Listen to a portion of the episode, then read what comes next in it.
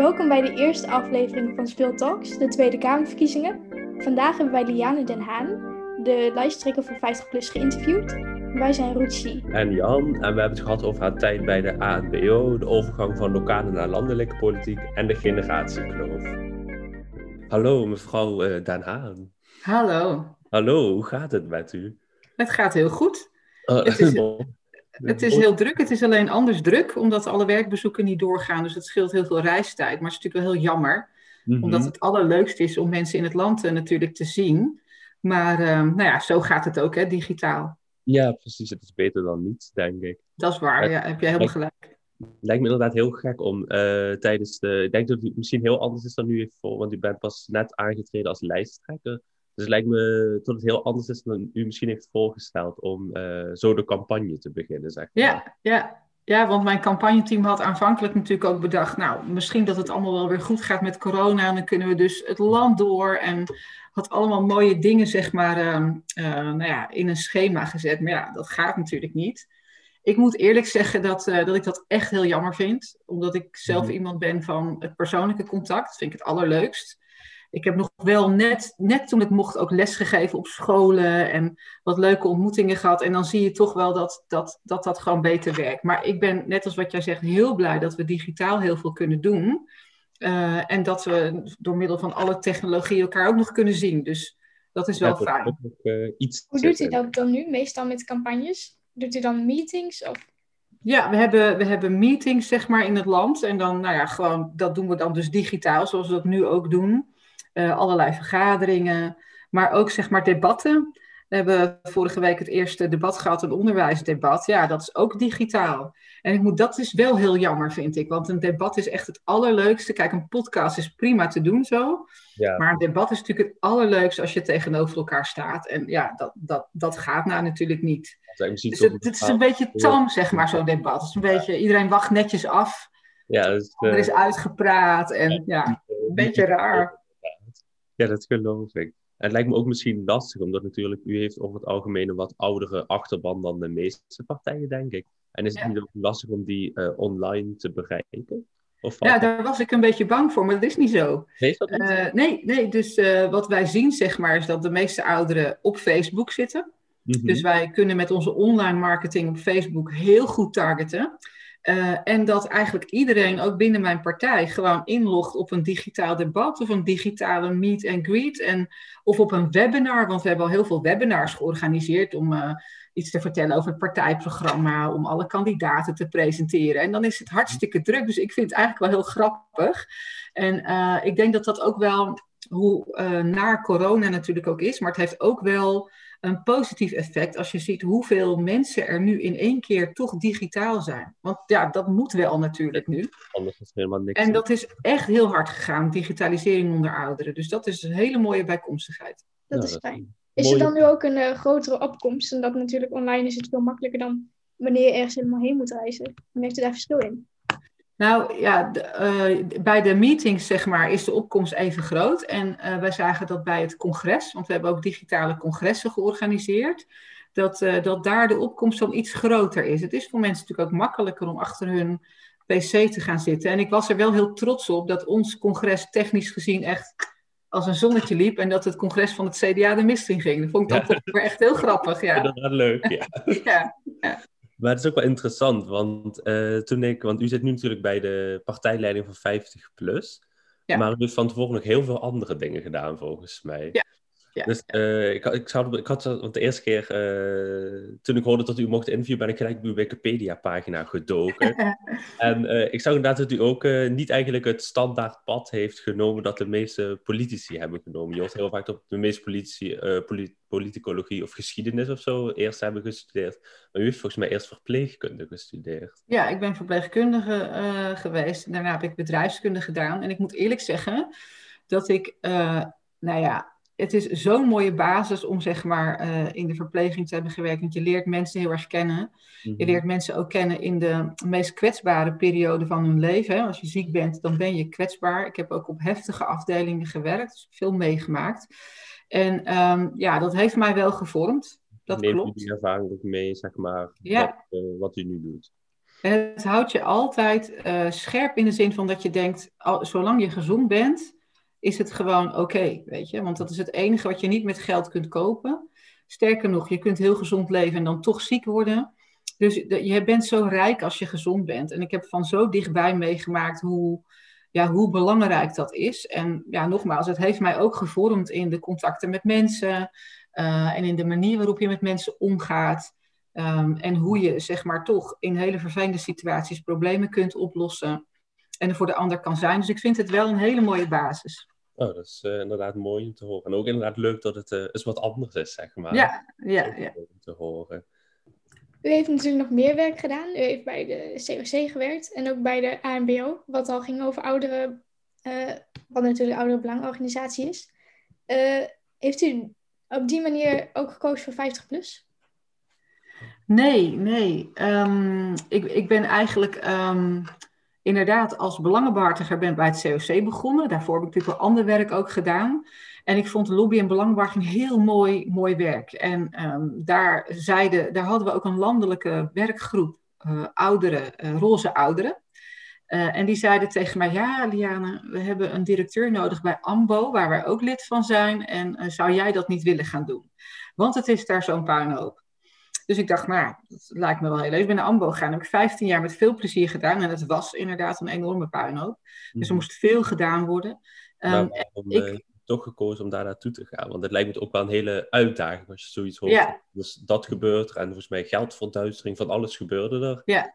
En dan heeft hij toch besloten van, oh, dat ga ik toch, ga ik toch aanpakken. Waarom? Ja, dat ga ik toch doen. Van, ik ga het toch doen. Nou ja, omdat ik heel erg geloof zeg maar, in belangenbehartiging voor ouderen. Omdat ouderen in Nederland een groep mensen zijn die over het algemeen toch heel bescheiden zijn en niet zo snel hun mond open doen omdat het imago van ouderen in Nederland uh, heel anders is dan bijvoorbeeld in andere landen. Als je kijkt in Zuid-Europese landen, uh, maar ook verder over de wereld. Als je daar naar ouderen kijkt, die hebben een hele belangrijke positie in de familie, in de samenleving. Kennisoverdracht, levenservaring, noem maar op. En in Nederland, ja, als je stopt met werken, ben je zo'n beetje afgeschreven. Mm-hmm. Um, en worden ouderen ook alleen nog maar, zeg maar in de media en in de politiek gezien als kostenpost. Mensen die altijd achter een rollator lopen. En ik vind heel erg en vond dat dat imago van ouderen anders moest.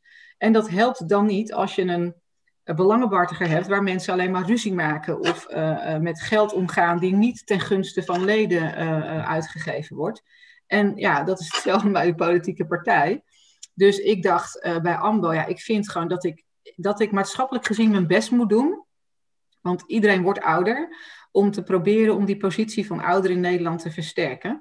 Dus daar heb ik er toch voor gekozen. En dan, dan hoort daar ook bij dat je de organisatie op orde moet brengen. Nou, dat is niet altijd even leuk. Nee. Er is heel veel reuring over geweest. Hè. Dat heeft me ook een, uh, een, hoop uh, slapeloze nachten zeg maar, opgeleverd. En niet alleen mij, maar ook mijn hele werkorganisatie. Alle vrijwilligers van AMBO. Een hele grote organisatie. Um, maar ik heb besloten om het toch te doen. En ik moet ook eerlijk zeggen, uh, als ik nu terugkijk, dan staat er nu wel, dan is het goed dat we het gedaan hebben, want er staat nu een hele sterke belangenbehartiger die de spreekbuis van ouderen in Nederland is en financieel gezond is. En waarbij medewerkers en vrijwilligers op een hele fijne manier met elkaar uh, samenwerken. Dus daar ben ik wel heel trots op. En ja, ik zie ook nu vrijwilligers die ook voor 50 plus zich willen gaan inzetten om mij te helpen naast hun werk voor AMBO, ja, dat is alleen maar gewoon heel mooi. Ja, ja precies. Ja, mooi om te horen. Ja. Meerdere vlakken kunt u aan het werk, volgens mij. Ja, of bij 50 plus ook werk aan de winkel. Ja, precies. Ja. En uh, even kijken, u heeft dus uh, ook nog een tijdje inderdaad uh, bij de, wat u net zei, bij de ANBO gewerkt. En daar heeft heel veel moeten lobbyen natuurlijk voor de regering. En dan had ik nog een ja. kleine vraag voor onze leden. heeft u misschien nog advies voor toekomstige mensen die graag willen lobbyen of lobbyisten met een mooie Ja, um, lobby is iets van hele lange adem. Dus, uh, en dat is heel grappig, want ik ben heel erg ongeduldig. Mm -hmm. Maar je moet echt gewoon als uh, lobbyist hele lange adem hebben. Dus je moet ook leren dat gelijk hebben niet altijd per definitie gelijk krijgen is.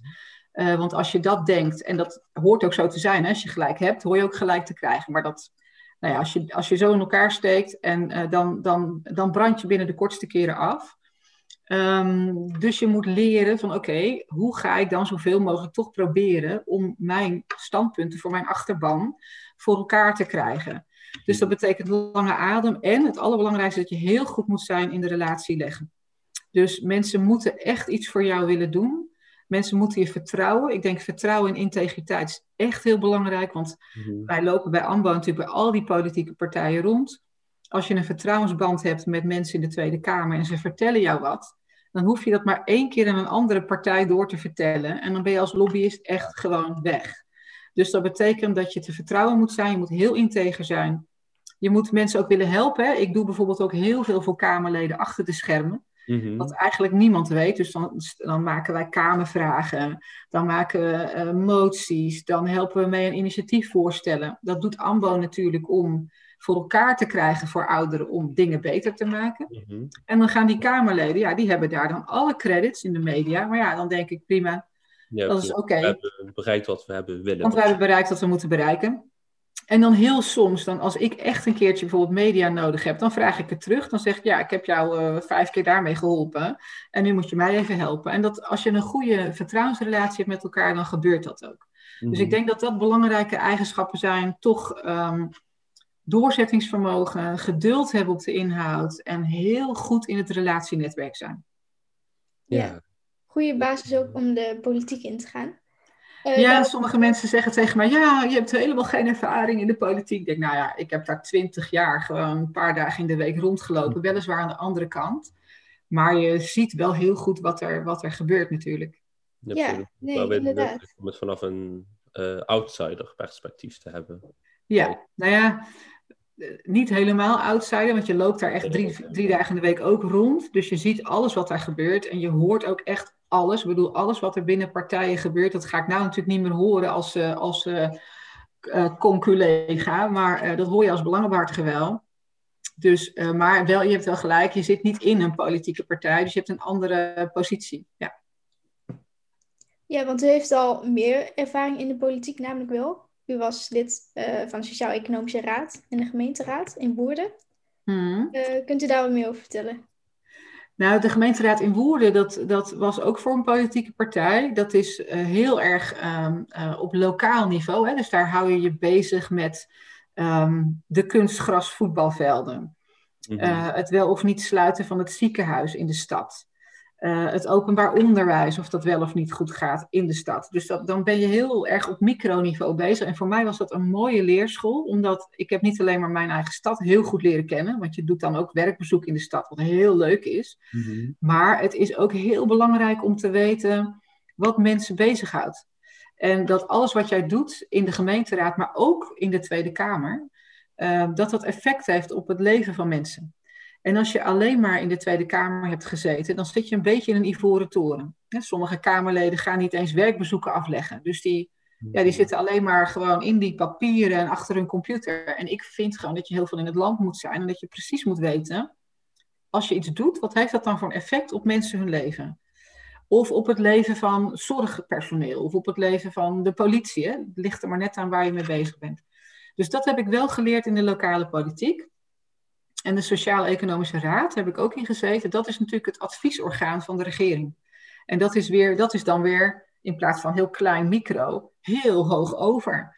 Dus dan ga je praten met ministers en staatssecretaris als ze een idee hebben voor een nieuwe wet. Of dan praat je, over, uh, praat je mee over het pensioenakkoord, waar nu natuurlijk heel veel over te doen is. Mm um, en dat was ook een mooie ervaring. Dus eigenlijk vanuit al die hoeken, zeg maar, dus lokale politiek, de belangenbehartiging en vanuit de Sociaal-Economische Raad waar je een adviesfunctie hebt richting het kabinet, denk ik dat ik voldoende bagage heb om in de Tweede Kamer uh, nou, mijn werk hopelijk goed te kunnen doen. Ja, dat lijkt me ook inderdaad. Ja. Ik vroeg me ook af, hoe heeft u dan die overgang ervaren van dat uh, micro naar macro? Want natuurlijk bij de gemeenteraad kon u uh, natuurlijk heel veel werkbezoeken afleggen, maar het is ook niet zo'n grote groep Terwijl u kunt u nu ook heel veel werkbezoeken afleggen, maar dan kun je nooit iedereen spreken, zeg maar. Nee. Dat lijkt me ook heel anders. Dus heeft u die overgang uh, ervaren, is mijn vraag. Nou ja, weet je, het is op zich, je moet gewoon wel heel erg goed kunnen plannen. Of iemand, ik kan dat niet, maar ik heb wel iemand die dat voor mij kan, gelukkig. En ehm, eh, kijk, in de politiek, in de lokale politiek, ga je bijvoorbeeld in de, met de politie mee in jouw stad. En als je bijvoorbeeld veiligheid doet uh, op landelijk niveau, dan ga je met de landelijke politie mee in een andere stad. Dus op zich zitten in die werkbezoeken zit wel heel veel uh, overlap. Hè? Ik, ik had bijvoorbeeld de portefeuille zorg en onderwijs. Ja, dan ga ik naar scholen en naar zorginstellingen in mijn stad, in de, in de gemeenteraad. Maar straks ga je naar scholen en, en zorginstellingen ergens anders in het land. Alleen je hebt wel te maken met andere problematiek. Dus als je naar de landelijke, landelijke politiek kijkt, dan zit je gewoon, dan praat je ook over andere politiek. Dan praat je over bijvoorbeeld, uh, willen we landelijk meer wijkagenten in gaan zetten? Of vinden wij dat het zorgpersoneel meer geld moet krijgen, landelijk gezien? Dus dat zijn andere vragen dan van, moet deze zorginstelling in mijn stad open blijven? Kunt u die werkbezoeken nu nog goed doen in tijden van corona, zeg maar? Nee, nee, nu helemaal niet meer. We hebben het tot aan de lockdown uh, wel nog gedaan, maar dan op een hele kleine schaal. Um, en we hebben veel zaaltjes gehad, wat ik heel leuk vind om te doen, want daar ontmoet je natuurlijk veel mensen en daar, en daar hoor je heel veel. Het leukste is altijd de, de borrel daarna, zeg maar, want dan hoor je echt heel veel. En, uh, maar dat kan nou niet meer. Dus we hebben eigenlijk vanaf uh, nou ja, de lockdown in december tot en met nu geen werkbezoeken meer gedaan. Uh, en degenen die gepland stonden weer vanaf 19 januari zijn nu ook allemaal weer naar achteren geschoven. Dus ja, en we hebben nu een paar digitale werkbezoeken, maar dat is echt heel raar. Want dan, dan normaal in een werkbezoek loop je door een bedrijf heen of door een zorginstelling. Ja, ik heb nu wel tegen een zorginstelling gezegd: uh, luister, want daar, het is natuurlijk heel druk nu in de zorg. Jongens, weet je, ik heb zoveel tijd over nu. Uh, uh, plan mij maar in. Weet je, ik, ik ga wel meewerken een paar ochtenden in de week als het druk is met mm -hmm. wassen en bedden verschonen, nou, dat soort dingen. Dat ja. Die oude beroeps, oude, het oude beroep naar boven komt. Dat is, uh... Ja, en, en ik denk ook, dan doe ik in ieder geval wat nuttigs, weet je. Want ja, we hebben het campagneplan klaar, de, het programma klaar, de kandidatenlijst is klaar. En we kunnen nu niks, want alles moet online gebeuren. Ja, nou, dat doe ik natuurlijk niet zelf. Dat, dat doet een bureau. Uh, en mijn campagnemensen. En dan denk ik, wat, wat moet ik dan? Ik wil gewoon wel iets bijdragen aan de samenleving. Dus nou, ik ga een paar ochtenden in de week ga ik gewoon helpen met wassen en aankleden en eten en nou ja, bedden schoonmaken en uh, mensen optillen en nou ja, wat er allemaal maar moet gebeuren. Ja. Dat is inderdaad leuk om te horen. Ik denk niet dat heel veel andere politici dat snel doen. Maar is, nee, ik heb het ook niet in de pers gezegd, want ik dacht, dan gaat iedereen er weer overheen en denken ze allemaal dat het een verkiezingsstunt is. Ik dacht, dat hoeft allemaal niet. Nee, precies. Ik heb, mee, ik heb ook al meegeholpen op een COVID-afdeling in een ziekenhuis. Mm -hmm. uh, ja, weet je, ik, ik denk bij mezelf, alles wat je kan doen om te helpen is goed.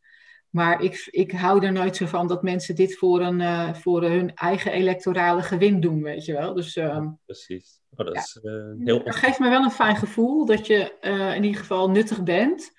En je ziet ook tegelijkertijd, want ik, zou, ik wil in de Kamer de portefeuille VWS, dus zorg. je ziet wel meteen waar het spaak loopt ook. Dus het geeft mij ook heel veel inhoudelijke achtergrond. Mm -hmm.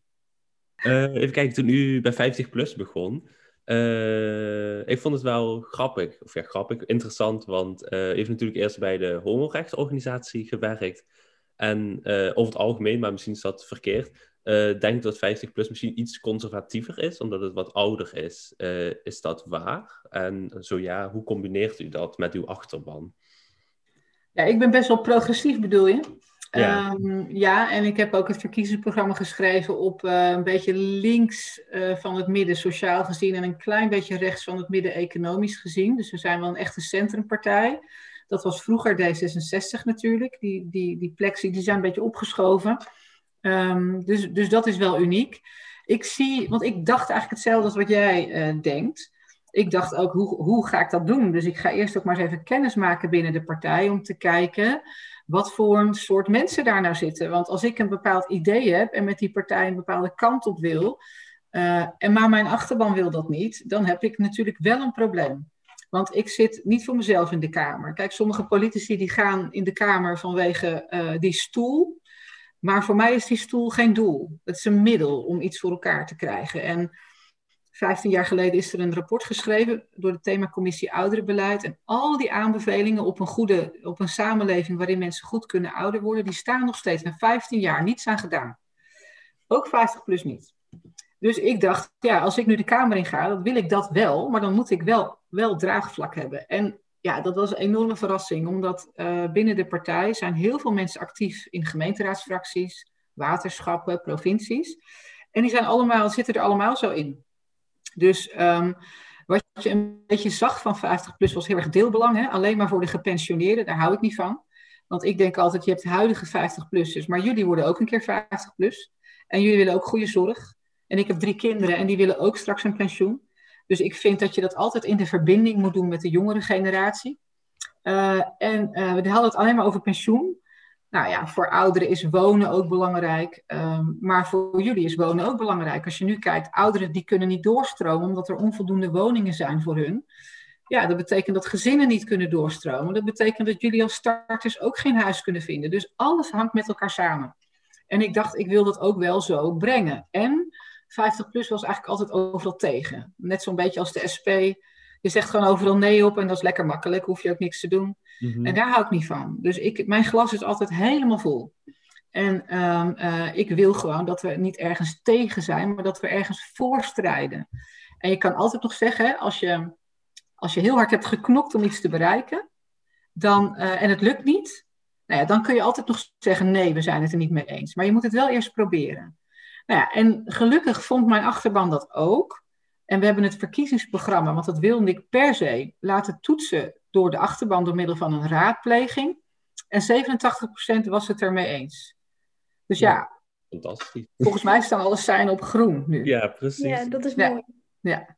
Nee, zoals we al zei, eh, als we aan 50 plus denken, denken we meestal aan uh, oudere mensen die erop stemmen. Eigenlijk helemaal niet op jongeren. Uh, nee. Onder jongeren is de partij ook nog niet heel populair.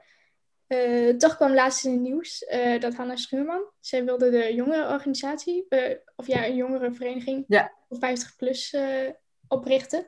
is nog niet gelukt, maar wat, wat vindt u daarvan? Ja, ik vind het superleuk. Ik ga binnenkort met Hanneke ook een debat doen bij Generatie Politiek. Dat is ook voor jongeren. en daar gaat het over intergenerationele solidariteit. Kijk, ik heb bij Amber ook altijd gezegd, en nu ook, hè, wat ik net al zei, het zijn gedeelde belangen. Dus een, een goed pensioen voor jouw opa en oma, maar het betekent ook een goed pensioen voor jou. En ik vind dat we als 50PLUS dat moeten laten zien. Een goede gezondheidszorg voor de huidige ouderen betekent ook goede gezondheidszorg voor de toekomstige ouderen. Dus er zit geen tegenstelling in, wat mij betreft. En Hanneke ziet dat heel goed, dus dat is echt heel erg leuk. En ik denk dat wij heel veel kunnen leren van de jongeren. En ik zou ook heel graag willen dat als wij straks in de Tweede Kamer zitten, dat zo'n jongerenafdeling ons dan ook adviseert en ook kijkt op bijvoorbeeld voorstellen. Zegt van ja, maar dat is misschien nu wel voor de huidige 50-plussers goed. Maar misschien voor de komende 50-plussers helemaal niet. Laten we het zo doen. Dus ik vind dat je uh, moet samenwerken daarin. En ik vind het superleuk dat iemand van 23 zo enthousiast is. Uh, ik denk altijd, kom maar gewoon, helemaal leuk, doe maar lekker mee. Uh, en praat ook maar gewoon mee. Want daar worden we allemaal beter van. En wat mij ook uh, zou helpen, als er een jongere afdeling zou zijn, is dat ook zij weer, zeg maar, onder hun achterban, ook net als wij doen nu bij al onze leden, uh, gewoon toetsen of dat wat wij doen ook goed is. Soms achteraf, het liefst altijd vooraf. Omdat, kijk, als ik in de Tweede Kamer, maar dat had ik ook bij AMBO, hè, wij deden heel veel raadplegingen. Als ik iets moet vertellen in de pers of straks in de Tweede Kamer en ik heb geen flauw benul van wat mijn achterban daarvan vindt, dan raak ik mijn achterban kwijt. En uh, de meeste politieke partijen gaan één keer in de vier jaar campagne voeren. Ik vind dat echt heel slecht. Ik vind dat je altijd uh, de binding met je uh, achterban moet proberen te houden. Dus, nou ja, dus, dus ik zou het heel leuk vinden als die jongere afdeling er ook komt.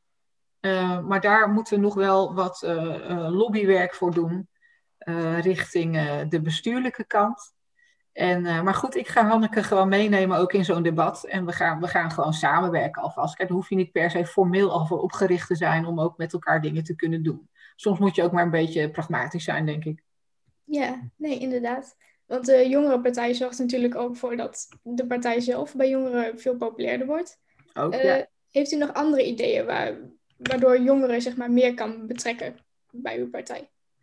Ja, nou ja, zo'n jongerenafdeling, dat, dat zou ik graag in het advies willen. Wat we uh, ook nu denken is dat voor sommige voorstellen kun je ook zeg maar panels inkopen, hè, jongerenpanels inkopen om te horen wat die, wat die daarvan vinden.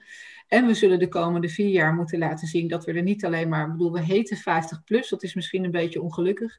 Aan de andere kant is het ook met name, um, willen we die plus ook heel erg benadrukken want opa's en oma's en ouders die zorgen graag voor hun kinderen. En wij willen als 50PLUS ook gewoon zorgen voor een beter Nederland. Waarin het goed ouder worden is voor iedereen. Ook voor de toekomstige 50-plussers. Dus dat betekent dat we ons ook met onderwijs zullen gaan bemoeien. Dat we ook uh, op klimaat, ook het, wat voor jongeren ook heel belangrijk is, voor ouderen ook. Maar die hebben daar wat minder interesse in over het algemeen. Uh, ook, ook echt wel standpunten gaan innemen. Dus ja, ik hoop heel erg dat jongeren ook gaan zien dat... Um, nou ja, dat wij ook heel interessant zijn voor hen. En het grappige is, ik ben bezig met al die stemwijzers om die aan het invullen. En, uh, uh, en mijn, uh, een van mijn kinderen die zei, mam, mag ik hem een keer testen? Nou ja, dat is goed.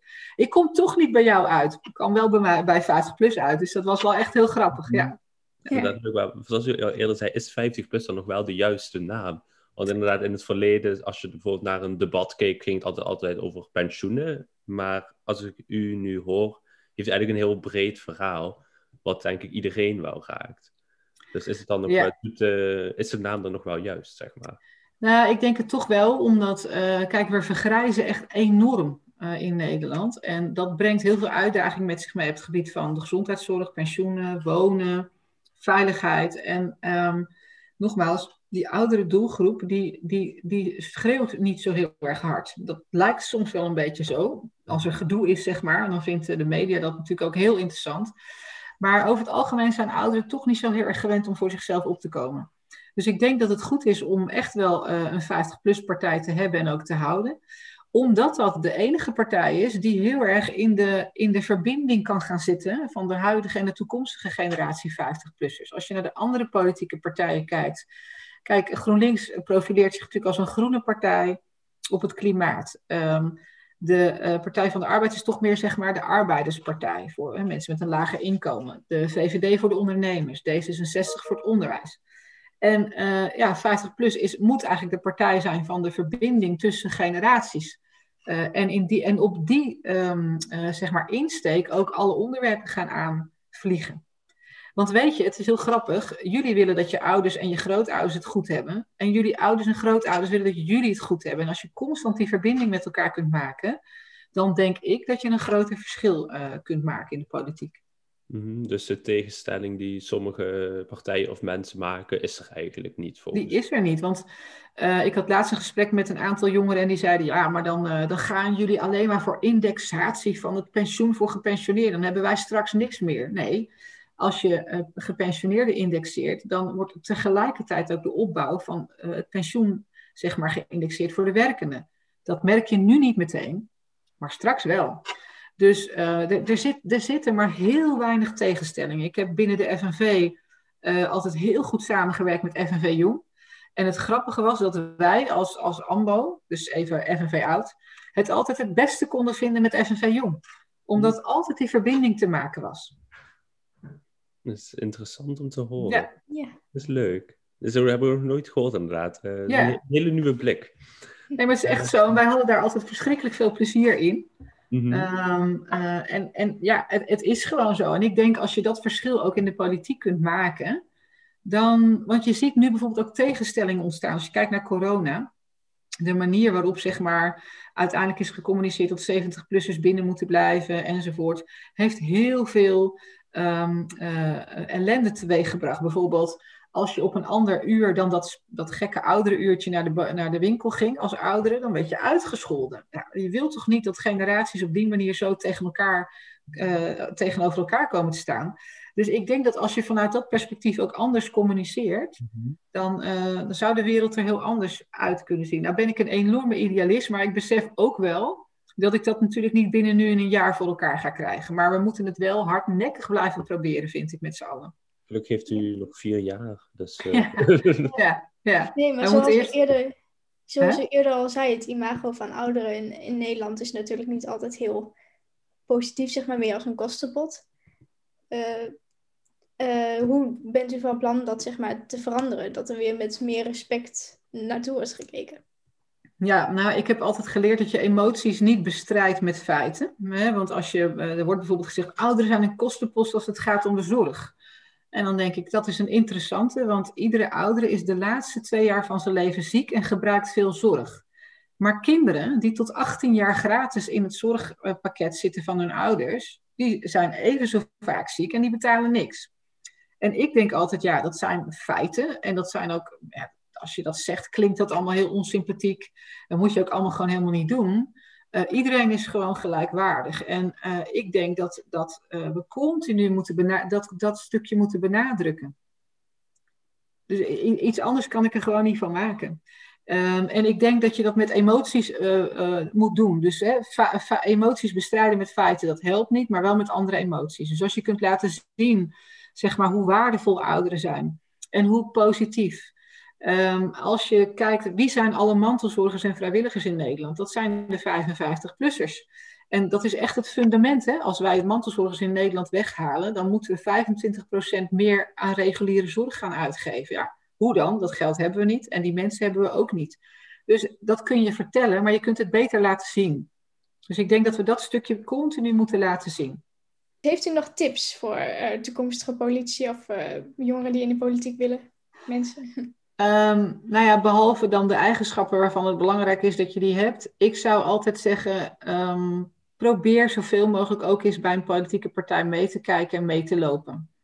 Uh, ik vind dat altijd heel leuk als dat gebeurt, omdat ik er veel van leer. Want jullie hebben ook een frisse blik op dingen.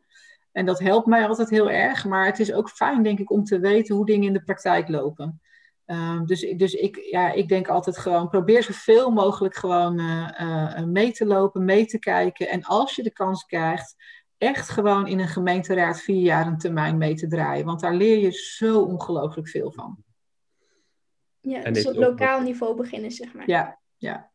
En heeft u ook nog uh, wensen voor de politiek in het algemeen? Zeg maar, zoals uh, wat er afgelopen week in Amerika is gebeurd. En uh, bepaalde trends van meer, steeds meer extremisten vanaf beide kanten. Heeft u nog wensen voor de politiek in het algemeen? Nou, weet je, het is verschrikkelijk wat er is gebeurd. En je ziet ook dat corona helpt niet. Mensen krijgen een kort lontje. Maar mensen hebben ook gewoon geen vertrouwen meer in de politiek. En dat, dat is denk ik wel heel kwalijk. Um, en dat doet de politiek zelf. Ik wens eigenlijk de politiek toe dat, uh, dat, dat zij met elkaar uh, integer en in vertrouwen en in verbinding kunnen omgaan. Ook al heb je gewoon meningsverschil. Uh, als je nu in de Tweede Kamer kijkt, sommige debatten, ik schaam me echt. Hoe mensen tegen elkaar praten, hoe ze tegen de voorzitter praten, tegen het kabinet praten. Uh, ik kan me nog herinneren dat Jeltje van Nieuwenhoven een keer tegen Aartjan de Geus zei: Meneer de Geus, wilt u wel even een jasje aantrekken als u naar het sprekersgedeelte gaat? Uit respect voor de Kamer. Als je nu ziet hoe mensen tegen elkaar schreeuwen of bepaalde woorden gebruiken, dan denk ik: het is onvoorstelbaar ook um, dat uh, heel veel mensen die daarnaar kijken denken: zijn dat nou mijn volksvertegenwoordigers? Mm -hmm. En tegelijkertijd dat, dat je ook ziet dat als politiek fouten maakt, dan moeten ze daar ook voor uitkomen. En dan moeten ze excuses aanbieden en dan moeten ze het oplossen. Um, nou ja, helaas, ik denk dat, dat, nog, uh, dat daar nog een lange weg te gaan is. Maar ik vind wel dat politici zelf het goede voorbeeld moeten geven. Uh, als je kijkt naar Trump, die heeft natuurlijk zich op een manier gemanifesteerd waardoor mensen kennelijk het gevoel hebben dat ze naar zo'n kapitool kunnen en daar de dingen kunnen doen die ze hebben gedaan. Ja, dat mag natuurlijk nooit gebeuren. Maar dat is wel iets wat zich heeft opgebouwd en, en wat zich heeft gezet uh, door een politicus. Ik vind dat heel kwalijk. Ja. Dus ik vind integriteit, vertrouwen, verbinding, open en transparant. Uh, en dat ook laten zien en daar ook de verantwoordelijkheid voor nemen. En dan hoop ik, uh, want ons politieke bestel is natuurlijk ook zo dat je nooit kunt doen wat je belooft. Wij hebben een partijprogramma. En stel je voor dat, dat er gevraagd wordt, willen jullie meeregeren?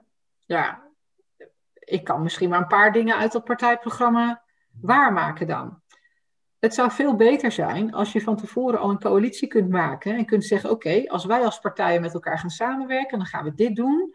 Dus als jullie op ons stemmen, op een van ons drie bijvoorbeeld, dan krijg je dit. Want dan kun je ook waarmaken wat je zegt en dan krijg je ook het vertrouwen weer terug in de politiek.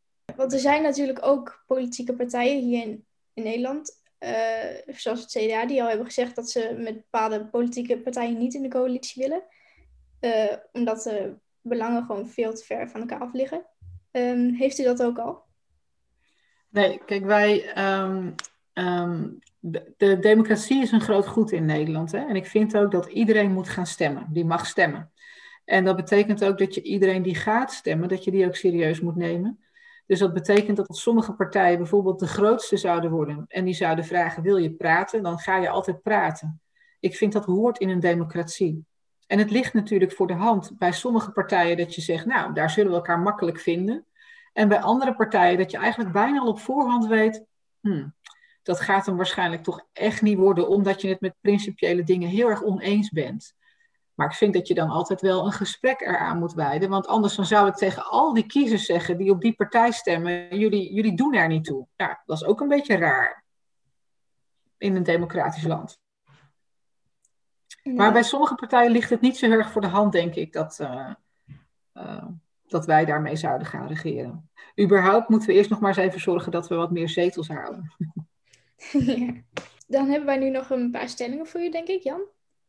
Ja. Uh, die gaan we zeg maar uh, iedereen vragen in onze podcastserie. Uh, ik zal maar even met de eerste beginnen. Um, vindt u het een goed idee dat er een Europees leger zou komen? Um, wij vinden het als 50 plus wel heel erg belangrijk dat um, zeg maar de NAVO de hoeksteen van, van, van, van het Nederlandse veiligheidsbeleid blijft. En dat zeg maar, de krijgsmachten in Europa meer taakspecialisatie krijgen. Maar wij zijn niet voor één Europees leger. Dat willen we wel heel graag zelf in de regie houden. U dat, er een, dat de studiebeurs zou moeten terugkomen? En zo ja, in welke vorm? Ja, wij zijn heel erg voor het afschaffen van het huidige stelsel en weer terug naar het vorige stelsel. Dus de, de, naar de basisbeurs, ja. Wij vinden dat die toegankelijkheid van, uh, van het hoger onderwijs echt goed uh, op peil moet blijven. En we zien ook gewoon bij heel veel studenten ontzettend veel stress um, rondom studieschuld, rondom werken. Uh, dus dat, dat willen we graag weg. En, dus we willen weer terug naar het oude systeem. En dan als laatste vraag over het klimaat. staat u achter het huidige klimaatakkoord? Waarom wel of niet? Um, kijk, het is heel belangrijk om inderdaad je in te zetten voor het klimaat. Uh, maar je kunt het ook overdrijven. En je ziet ook dat vaak de rekening zeg maar, voor klimaatmaatregelen nu heel erg terechtkomen bij uh, de burger. Terwijl wij vinden dat klimaatakkoord, oké, prima. Uh, maar we vinden wel dat zeg maar, de vervuiler moet betalen. Dus ik vind dat we daar echt nog wel eens wat nou ja, debatten over kunnen opzetten, wat mij betreft. -hmm. En hoe bent u van plan om dat te doen? Bijvoorbeeld met een CO2-belasting of met die CO2-handelsemissies? Uh, ja, wij hebben nu zeg maar aangegeven dat wij vinden, nogmaals, dat de vervuiler moet betalen.